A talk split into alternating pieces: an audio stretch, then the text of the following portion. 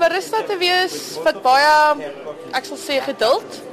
Ehm um, ja, enigiemand kan koffie maak, maar en, nie enigiemand kan goeie koffie maak nie. So met dit dit vat baie hart en siel sal ek sê wat daarin moet ingaan. Die manier hoe jy die die melk froth jou shots wat jy ran, daar's 'n ding wat as as jou shots te lank laat staan, dan gaan die shots dood. Die espresso shots. So jy, jy daar's 'n verskil van shots wat te lank gestaan het en shots wat onmiddellik die silkie melk by gekry het. So ons het almal vir training gegaan. Ek was vir 'n maand op training uh, om 'n barista te wees en al die baristas hier was ook vir 'n maand op training en dit het alles gekover van die basiese tegnieke om hoe om koffie te maak tot om hoe om experience te, te lewer. Is dit alles net in die tegniek? Ek dink dis 'n kombinasie van tegniek en hart en siel. Jy sal sien met baristas daar's passie en siel in dit. Hoe meer jy koffie proe, hoe meer weet jy wat 'n goeie koffie en wat 'n slegte koffie. Soos espresso kan gebrand wees. As die water te lank op die koffie spandeer. So jy as as 'n barista moet daai goed kan optel sodat seker maak dat jy die regte perfekte koffie vir die customer kan gee. Watter soort opleiding kry jy? So as barista, ons het 'n training store.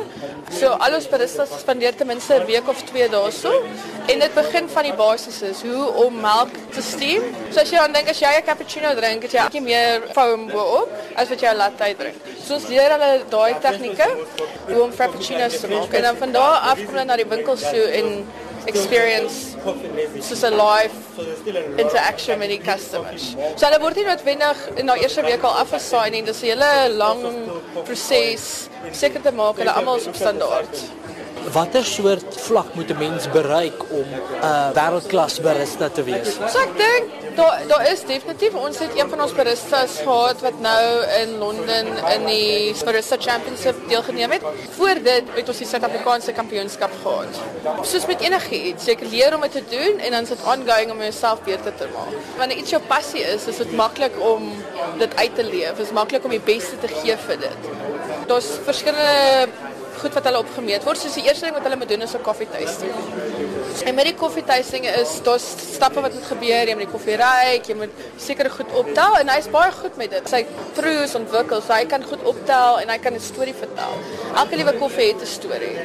So jy sal sien hier agter ons het ons 'n reserve bar en daar's drie verskillende reserve koffies wat ons het en elkeen van daai koffies is baie spesiaal. So dis die hele storie met dit. En dan ook die ander deel met die barista kampioenskap is die tegniese deel. So hulle moes uh, caramel macchiato gemaak het, hulle moes 'n cappuccino gemaak het en hulle moes 'n latte gemaak. En dis ook is die die consistency reg, is die foam reg. So al daai goed word gemeet. Dit is nie net van jy kan 'n goeie talker wees, maar jy moet albei kan doen. Jy moet kan die koffie kan maak, maar jy moet ook 'n storie kan vertel. Wanneer dit kom by koffie maak, hoeveel metodes is daar om koffie te maak en waarna moet 'n mens kyk? Veral as ek nou huis toe gaan en ek vat nou my French press, waar begin ek?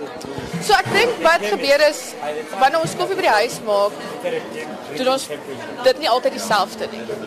So daar's 'n paar goed wat uh, baie belangrik is. Een van die goed is die ratio. So die internasionale standaard is vir elke 1 gram koffie gebruik ons 15 ml water. So maak nie saak as jy 'n groot French press of net 'n helfte van die French press wil maak nie, dis hoe jy dit kan meet. As jy travel en goed, as jy in Durban is, proe die water anders as wat jy in. So natuurlik gaan die koffie ook ander anders.